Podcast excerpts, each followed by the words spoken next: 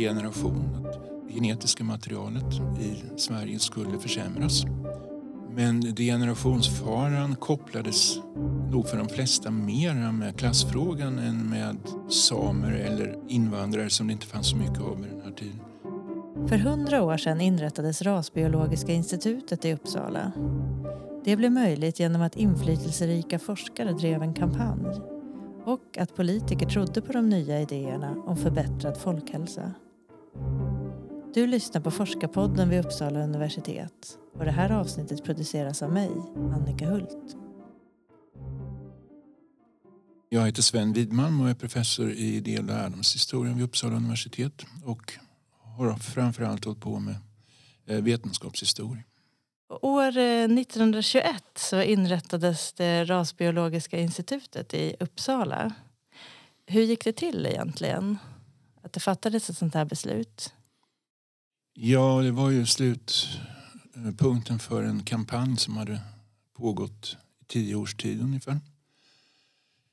Eh, olika forskare, politiker, personer ifrån kulturlivet hade på olika sätt lyft den här frågan om rasbiologins betydelse att Sverige borde ha ett rasbiologiskt institut och att den personen som borde leda det institutet var Herman Lundborg som beskrevs som en närmast genial vetenskapsman på området. Frågan bollades fram och tillbaka under rätt lång tid. Även i riksdagen så gjordes försök innan man lyckades då 1921 att få ett konkret beslut. Eh, så att man hade försökt tidigare. Men det var då det, först då det gick igenom. Och det där är lite svårt att säga exakt vad det berodde på att det skedde precis då. Men det har väl att göra med att man hade inrättat en liten avdelning av något slag för rasbiologi med Herman Lundborg på universitetet. Han hade inga resurser eller så men han var docent mm. i rasbiologi mm. i Uppsala. Mm. Hade haft en stor utställning som har gjort propaganda för rasbiologin ganska effektivt 1919. Ja just det, den hette Svenska folktypsutställningen. Ja, det var en eh, del av kampanjen för institutet kan mm. man säga. Man var väldigt mediamedveten och drev eh, inte minst kampanjen i media med hjälp av olika skribenter som skrev. Och man gav ut en skriftserie pamfletter som gick ut på att visa varför rasbiologin behövdes. Mm. det var på rätt bred front man drev den här kampanjen. Och vad var det för idéer då som man drev fram? Fokus var väl på att rasbiologi var nödvändigt för folkhälsan. Ehm, för att få en friskare befolkning. Genetiken var ju fortfarande en ny vetenskap i den här tiden. Den hade, knappt, den hade egentligen inte fått sitt namn. Man Nej. kallade det inte för genetik. Jag tror begreppet gen introducerades 1912 eller någonting sånt där. Men det hade ju tagit, tagit fart efter 1900 när den Mendelska genetiken återupptäcktes och sen började den appliceras på några områden. Kanske först och främst inom växtförädlingen mm. och sen även medicinskt. Och Herman Lundborg var en pionjär på det området. Men det var ju ett nytt fenomen. Och tanken var att man då på något sätt skulle Eh, förädla eh, den mänskliga rasen också, precis som växter, eller?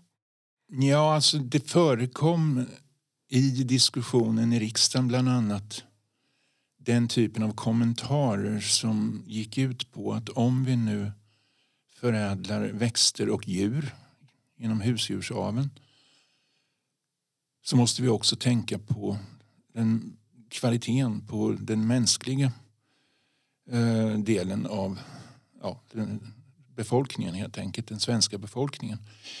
Jag vet inte att jag har sett någon som uttryckligen påstår att man bör ägna sig åt systematisk människoförädling. Mer mm. än att Herman Lundborg tydligen kläckte ur sig någonting sånt på 10-talet.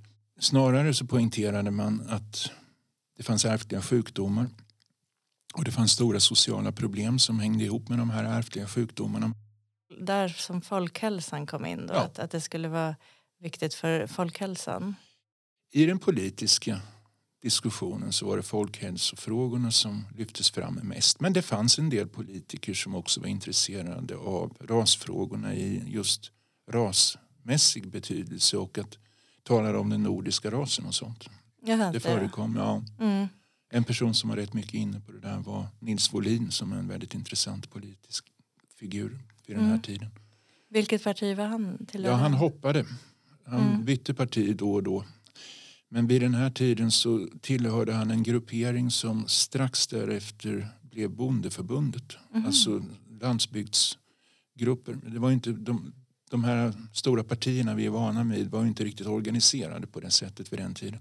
Utan det uppstod splittringar och det fanns små grupper som gick samman och sådär.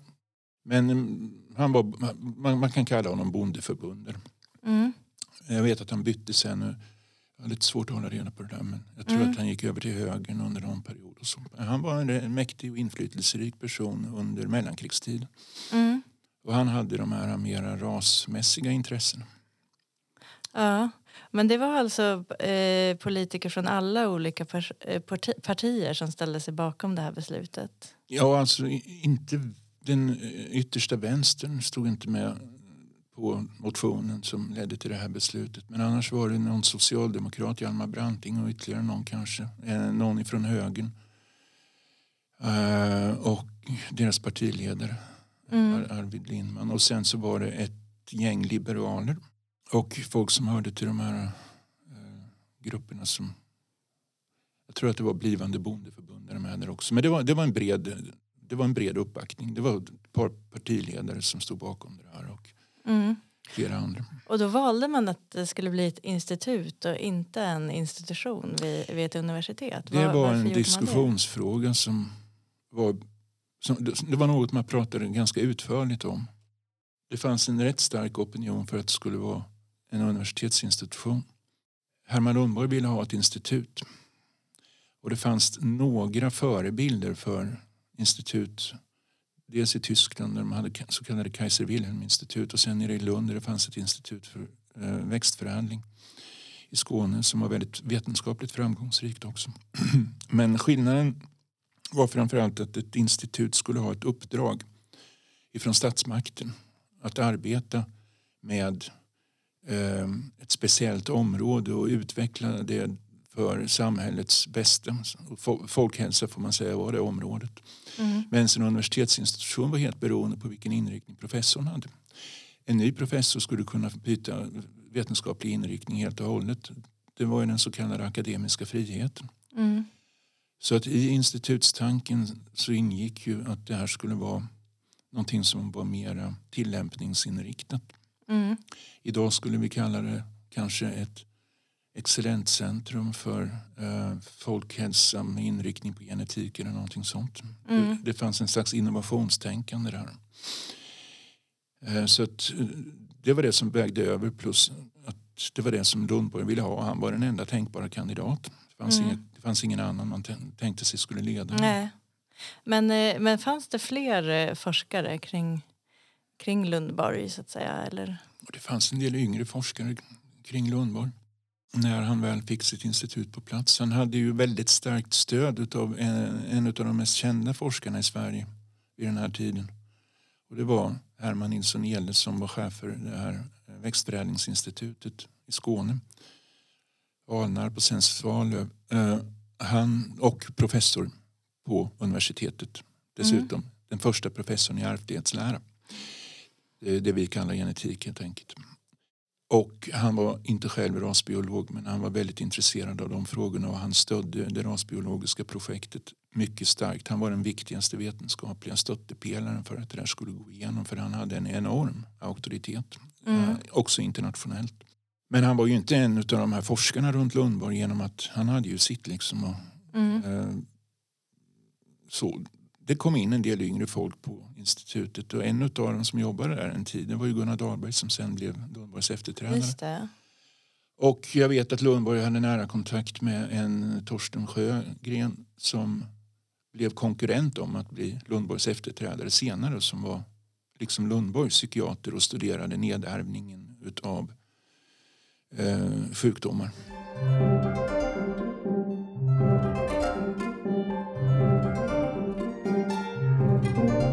Ja, så Lundborg var alltså psykiater. Ja. Eh, vad, eh, vad handlade hans forskning om egentligen i, i korthet? Det var ju att han under många år undersökte en typ, ovanlig typ av epilepsi på Listerlandet som väl framförallt ligger i Blekinge och kunde se hur den var nedärvd under generationer utifrån, uh, ut, på, på, ett sätt som stämde med de Mendelska lagarna. Mm.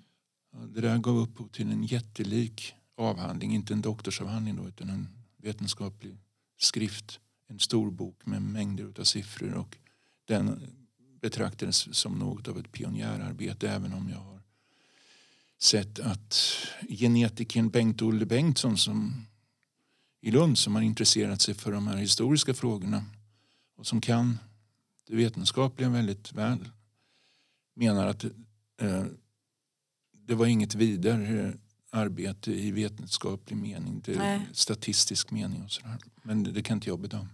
Men jag mm. litar på Bengt-Olle Bengtsson för han kan mm. de där grejerna. Mm. Men det var hans stora magnum opus. Och i de här rasbiologiska idéerna ingick det då att eh, den nordiska rasen var överlägsen?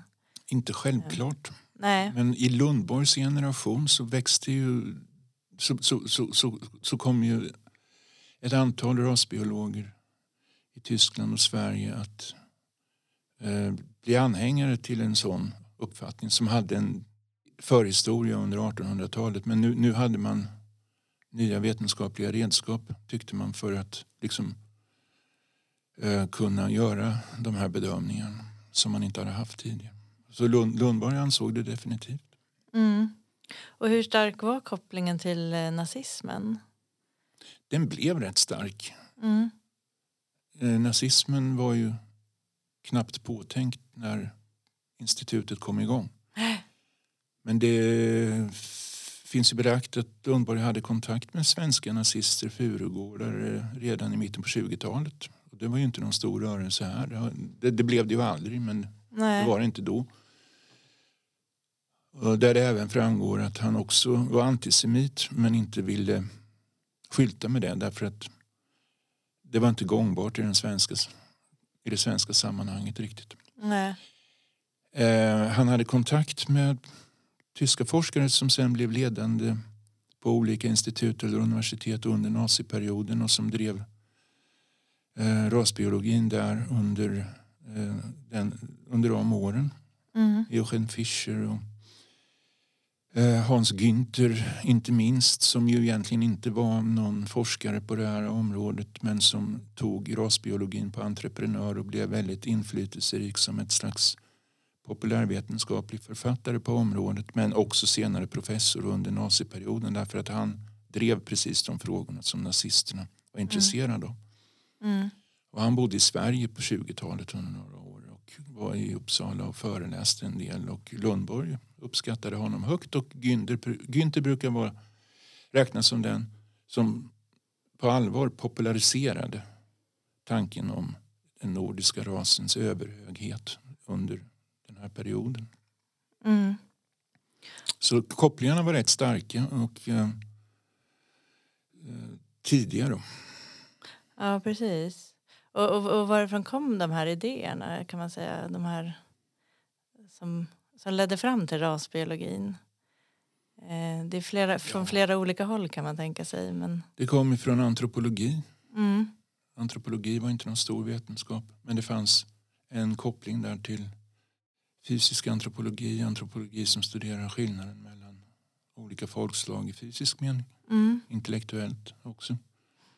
Om man ser på det i bred mening så är ju hela kolonialismen väldigt viktig alltså ideologiskt. Kolonialismen togs ju som ett bevis för den nordiska rasens överlägsenhet. Att man hade koloniserat stora delar av Afrika, Asien och, och så vidare och mm. framgångsrikt hade etablerat en eh, västerländsk överhöghet i de länderna och då pekade man gärna på engelsmännen som var framgångsrika på det området och kunde kopplas ihop, kunde betraktas som företrädare för en nordisk ras. Mm. Så jag har svårt att se något fenomen som egentligen var viktigare för mm. rasbiologins genomslag som allmän idé än den koloniala expansionen. Ja, precis. Man kan tänka på vad som hände i Nordamerika med de nordamerikanska urinvånarna och där ju slaveriet förstås Mm. som, som kan betraktas på sätt och vis som en del av det koloniala. Så att jag tror man ska se, få se mer till den typen av fenomen än till den vetenskapliga utvecklingen. Men vad Ja. ras, rasbiologerna lovade då att de kunde ju förklara det här. Så att de tog ju det här på entreprenad och gjorde det med hjälp av en ny vetenskap som dessutom verkade väldigt, väldigt intressant och löftesrik inför framtiden.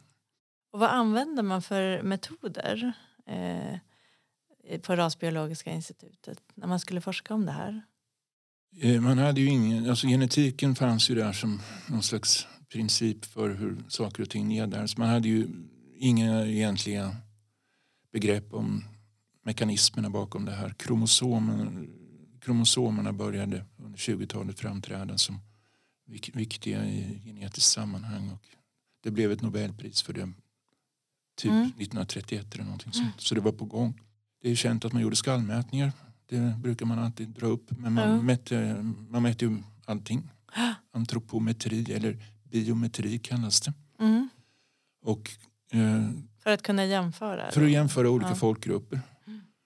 Och där, då konstatera, kunde man konstatera att det fanns vissa sådana här eh, biometriska skillnader.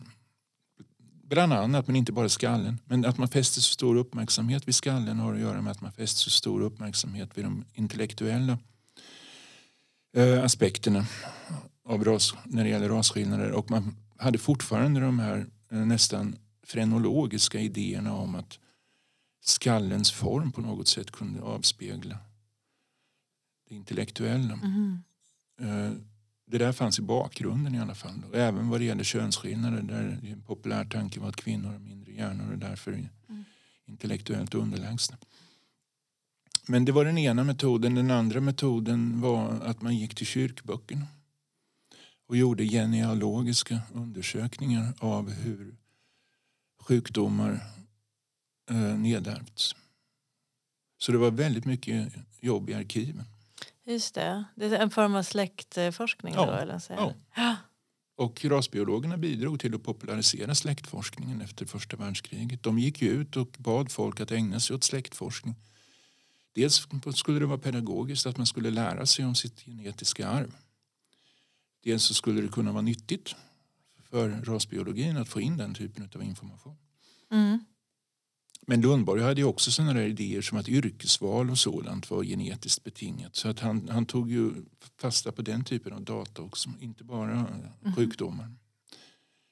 Han hade rätt mycket sådana här vaga idéer om vad som kunde, vara ner, vad som kunde ligga i generna och vad som inte gjorde det. Och där, där, där, startade, där var han ju med och startade någonting som har fått förnyad aktualitet med den moderna genetiken, proteomiken och allt det där. Mm. Att, att geni- genetiken ligger bakom väldigt mycket? eller? Ja, även då liksom livsval, eh, vad man har för politisk åskådning.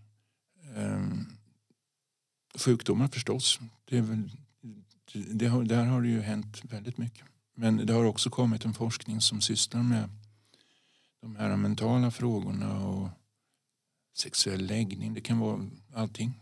Så att på sätt och vis så finns det, alltså det, det, det, det är ett annorlunda sammanhang men det finns ändå likheter med den gamla gen, gen, eugeniken eller rasbiologin i, man, i den meningen att man intresserar sig för liknande frågor. Men på individnivå, Ja. vilket man inte alls kunde så liksom göra så mycket på den här tiden. Nej, precis. För på den här tiden var det statistik då som gällde. Att, Det var statistik som gällde och var, man kunde inte säga någonting om den enskilda personens genetiska makeup utom genom att titta på vad det möjligen fanns för dåliga gener eller goda gener då i släkten bakåt i historien. Och eh, hur inflytelserikt blev egentligen eh, Rasbiologiska institutet i, i Sverige? Efter att man hade inrättat det här på 20-talet. Det är rätt svårt att mäta. Ja. Inte särskilt i min bild. Man var väl engagerad som någon slags konsult i samband med den här första steriliseringslagstiftningen. Det var ju då, apropå vad kunde man göra? Ja, Mm. man antog ju att man kunde sterilisera bort en del sjukdomar. Men steriliseringarna var ju fortfarande kanske främst sociala. I den meningen att dels fanns personer med sjukdomar som man ansåg inte var lämpliga som föräldrar och Mm. dels att det fanns personer som kanske kvinnor då som hade fått många barn och inte ja, medicinskt och socialt eh, Mm. kunde steriliseras. Mm. För, för, ja, som en socialmedicinsk åtgärd helt enkelt. Mm. Sen så har det ju då funnits ett visst mått av tvångssteriliseringar vilket ökade efter ändringar i lagstiftningen på 40-talet. Mm. Jag, eh, Så där kan man ha haft ett Ja, visst inflytande? ett visst inflytande. Men det där var ju en diskussion som försiggick internationellt och den hade väl kanske försiggått i Sverige även utan ett rasbiologiskt institut. Därför att det visade sig också att Lundborg var rätt ineffektiv som institutsledare. Han stötte sig med folk. Han eh, höll på med saker som inte statsmakten tyckte att han borde hålla på med. Och då var det ju väldigt mycket de här eh, resorna till Lappland som man gjorde återkommande för att göra sina mätningar och ta sina fotografier och sådär. Det var många som inte tyckte det verkade vara särskilt centralt för det här folkhälsoprojektet. Nej. Så att man fick mindre, eh, efterhand mindre anslag och så. Det var ett ständigt bråk. Och Lundborg sa upp sig flera gånger, eller hotade med att säga upp sig och sådär. Så att det var en ganska, eh, han har ganska besvärliga relationer med statsmakten när han väl hade fått institutet. Mm. Han valde att fokusera väldigt mycket på, på samer då? Att, Ja, att råka upp det gjorde han. Lappland. Ja.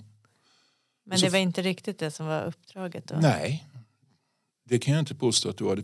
Jag tror inte det fanns någonting om, om något sånt i uppdraget. Men Lundborg tolkar det ju så. Och det hade ju att göra med att han såg rasblandning som en hälsofara i folkhälsomening. Alltså. En blandning mellan den nordiska rasen och då det som han uppfattade som lägre stående raser. Det var inte bara samer då utan det kunde röra sig om östbalter som han kallade finnar. Och liknande. Det kunde röra sig om eh, så, grupper som fanns i samhället som uppfattades som rasmässigt annorlunda. Samerna Mm. var den stora grejen för honom. Som också Maja Hagerman har skrivit mycket om i sin biografi.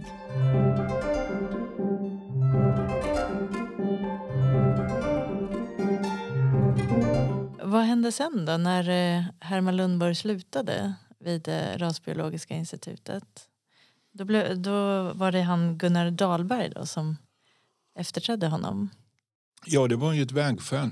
Och det är intressant att internationellt så brukar man peka på just mitten på 30-talet som ett vägskäl när den här mera re- eh, rasistiskt inriktade rasbiologin börjar ersättas av någonting som mer liknar en eh, populationsgenetik eller medicinsk genetik eller någonting sånt som också kritiserar den rasistiska rasbiologin. Och det här, klart att det hänger ihop med utvecklingen framförallt i Tyskland som ju uppfattades som väldigt problematisk av många på de här områdena. Och det fanns så att säga en vä- vänsterfalang inom rasbiologin också. För det var 1935 Ja, då det var, som, precis då som man bytte, det var precis då som man Mm. bytte chef i Uppsala. Det, det, så att det, det hände precis när den här svängningen kom internationellt. Ja, men det var, inte, det, var, det var ingenting som var självklart utan Rasbiologiska institutets styrelse satte till att börja med en utav nazisternas rasbiologer som sakkunnig för att bedöma det hela. Ernst Ry- Rydin som var schweizare men verksam i Tyskland och bland annat var involverad sen i de här eh, massmorden på psykiskt sjuka som skedde mot slutet, precis strax innan kriget bröt ut. Och man såg till, kan man säga utan att överdriva, att den som föreslogs som efterträdare till Lundborg var en av hans egna elever.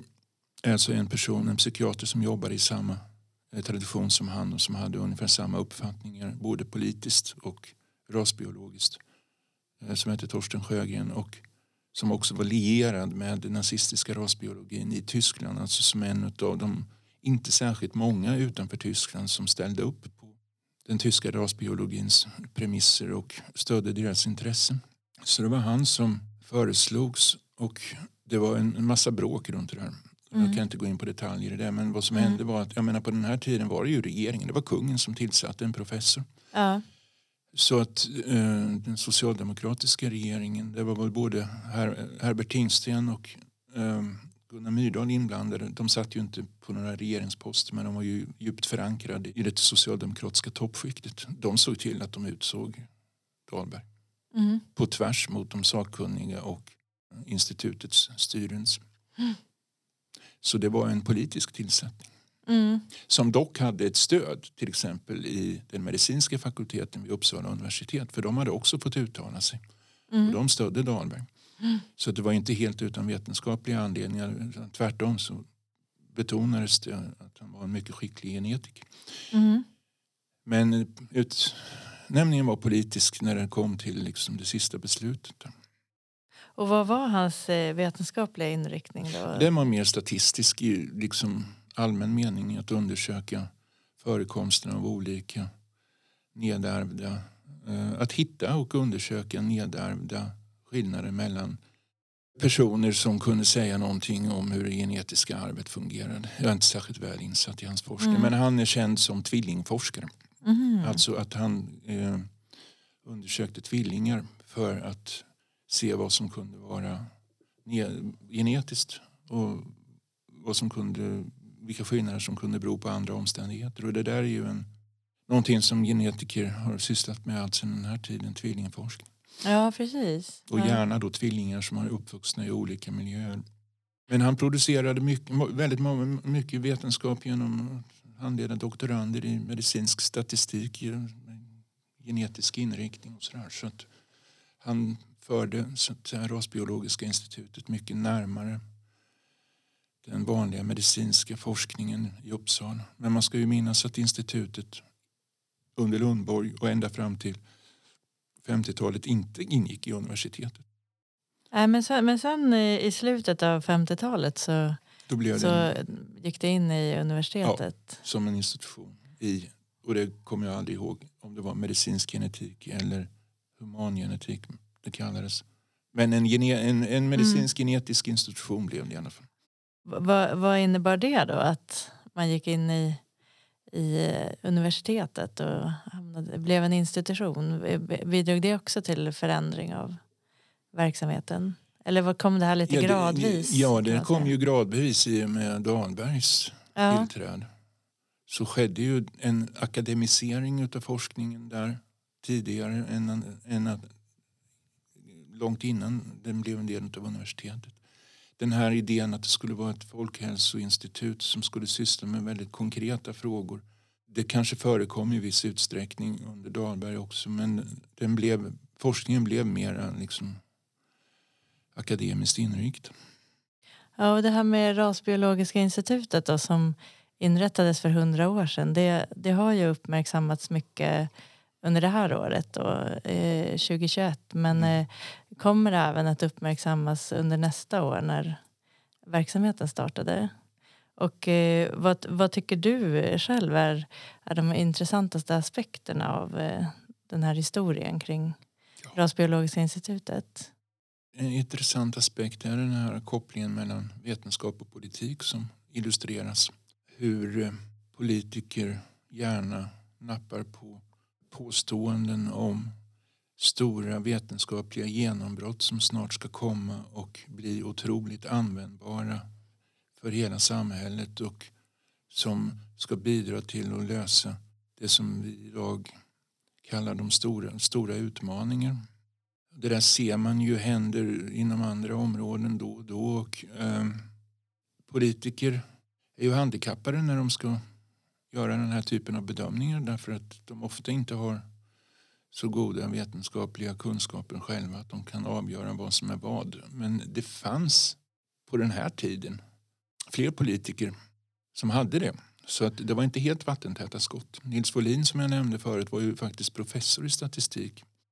En annan viktig politiker i det här sammanhanget var socialdemokraten Alfred Petrén som var en framstående figur inom svensk sjukvård specialiserad på alkohol. Eh, alkoholfrågor och också positiv till det här rasbiologiska projektet. Men, men på vänsterkanten då.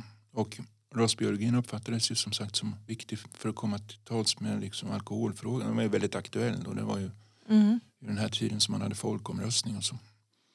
Det är ändå märkligt att man svalde Lundborgs projekt med hull och hår eftersom han så tydligt hade ut, uttalat sig på ett sätt som man skulle kunna tro vore mer politiskt kontroversiellt än det verkar ha varit. Eller också visste man inte och brydde sig inte. Det är svårt att säga men han Mm. hade ju till exempel sådana idéer som att arbetarklassen var en, hade de sämsta genetiska förutsättningarna i samhället vilket bevisades av att de befann sig på botten av samhället. Inte bara arbetarklassen förstås utan de som fann sig riktigt på botten det var ju de socialt mer missanpassade som alkoholister och prostituerade. Mm.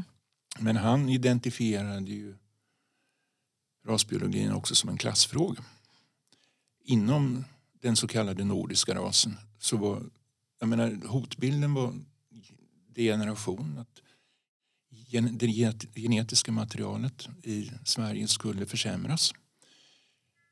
Men degenerationsfaran kopplades nog för de flesta mer med klassfrågan än med samer eller invandrare som det inte fanns så mycket av i den här tiden. Mm. Och där var ju logiken den att de med sämst genetiska förutsättningar går det sämst för, också socialt. Men de är också de som reproducerar sig mest Mm. och vars gener alltså får större, större och större spridning. Och det, här är ju den här frågan om befolkningskris som blev så omdiskuterad på 20-talet, särskilt kanske på Mm. 30-talet. Det föds för få barn.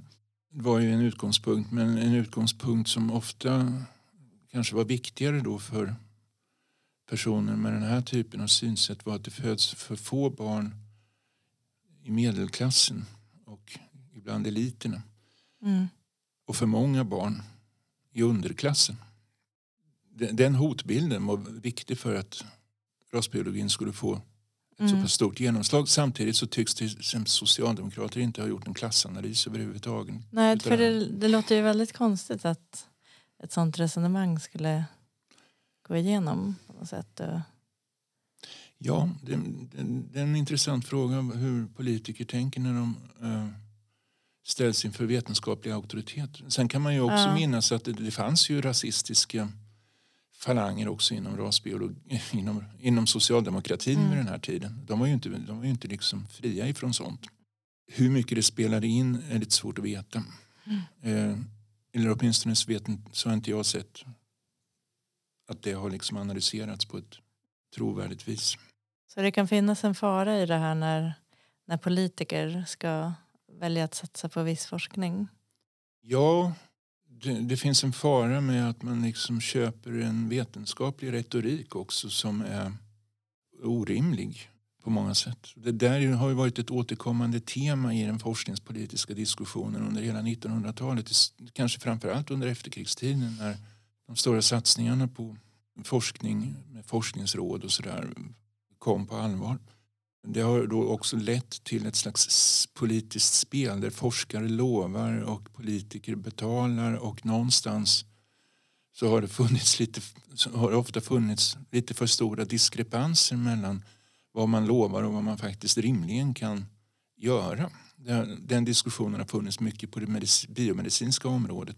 Till exempel i förhållande till cancerforskning men också inom fysiken och på en del andra områden. Eh, Eh, Det nanoteknologi är väl ett sånt exempel som under en tid har blåsts upp väldigt mycket och som kanske kommer att få stor betydelse. Men i den här retoriken ingår det ju också att saker ska hända väldigt snabbt. Det ska komma fort. Och det gör det ju ofta inte.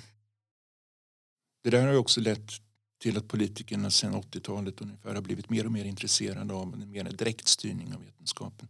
Inte bara att man skifflar över pengarna utan att man också har en mera direkt eh, koppling till vad som kan uppfattas som nytt, samhällsnyttigt.